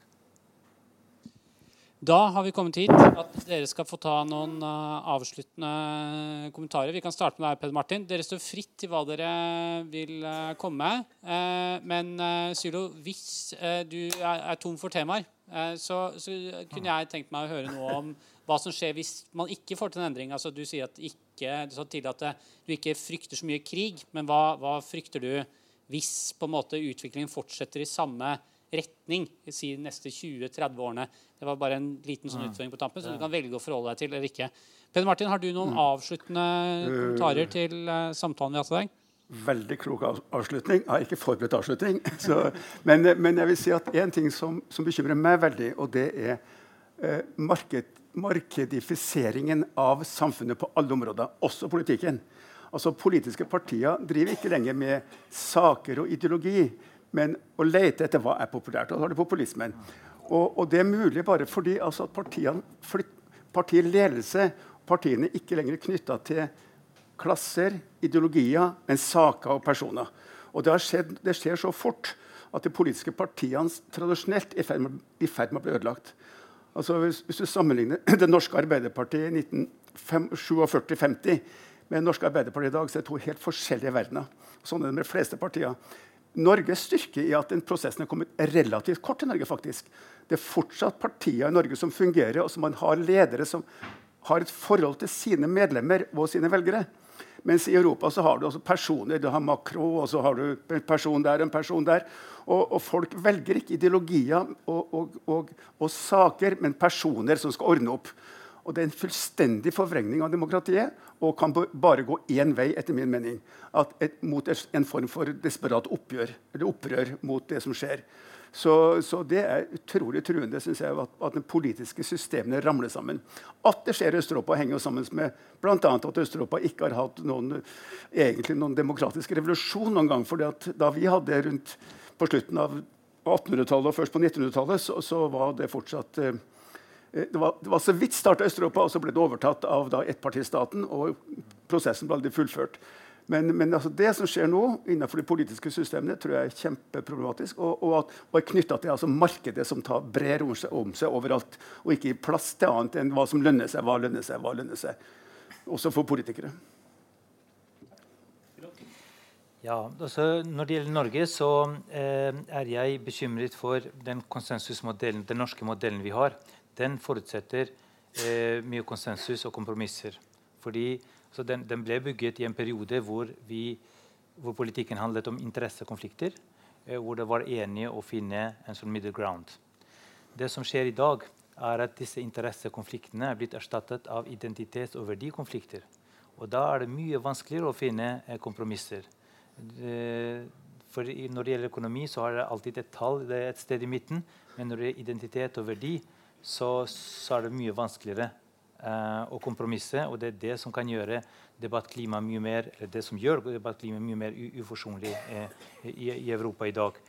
Det jeg frykter, er at uh, vi også, Flertallsdemokratiet vil overleve, men det liberale demokratiet er under press. Altså, rettsstaten, toleranse ja, de liberale ordningene, konsensusdemokrati og sånt, tror jeg vil ha dårligere kår. Og så er jeg også bekymret over denne utviklingen eh, av eh, flerkulturalitet, som eh, kan også skape mer friksjoner. Med gettofisering, enklaver, hvor du har både økt sosial ulikhet som kombineres med etnisk ulikhet. Det er det som også er på en måte en konfliktstoff. Uh, man ser hva, hva, som skjer i Sverige. Og jeg, jeg, må si at det er veldig trist å høre østeuropeere advare mot svenske tilstander. Jeg tenkte Før i Øst-Europa man så på Sverige som utopi. Er det mulig å skape et sånt samfunn? Er det en drøm, eller er det en realitet? Sverige det er, sånn, det er en drøm. Mens nå sier, sier, man vi skal ikke bli som Sverige. Se, de har enklaver, de har kriminalitet, de har mye gangsterisme, eh, eh, jihadisme osv. Eh, og det er et problem som man må ta tak i. tenker jeg. Og da må man både ha en innvandringspolitikk som kan kombineres med bedre integreringspolitikk. At, sånn, uh, at man har ikke et hastighetsproblem som, som, man har i Sverige i dag, hvor innvandringen er mye raskere enn integrering. Og så får du disse, uh, disse getodannelsene og økt sosial ulikhet der. Så det er ma mange ting der, Men jeg tror disse uh, konfliktene med, oss si, med innvandrere eller, eller islam og sånt, kan bringe demagoger og farlige nasjonalister til makten. Det er det jeg er veldig bekymret for. Da sier jeg tusen takk til Peder Martin Lystøl og til deg, Sylo Taraku, for flott samtale. Også tusen takk til dere for gode spørsmål. Da kan vi gi en applaus for, eh, for alle.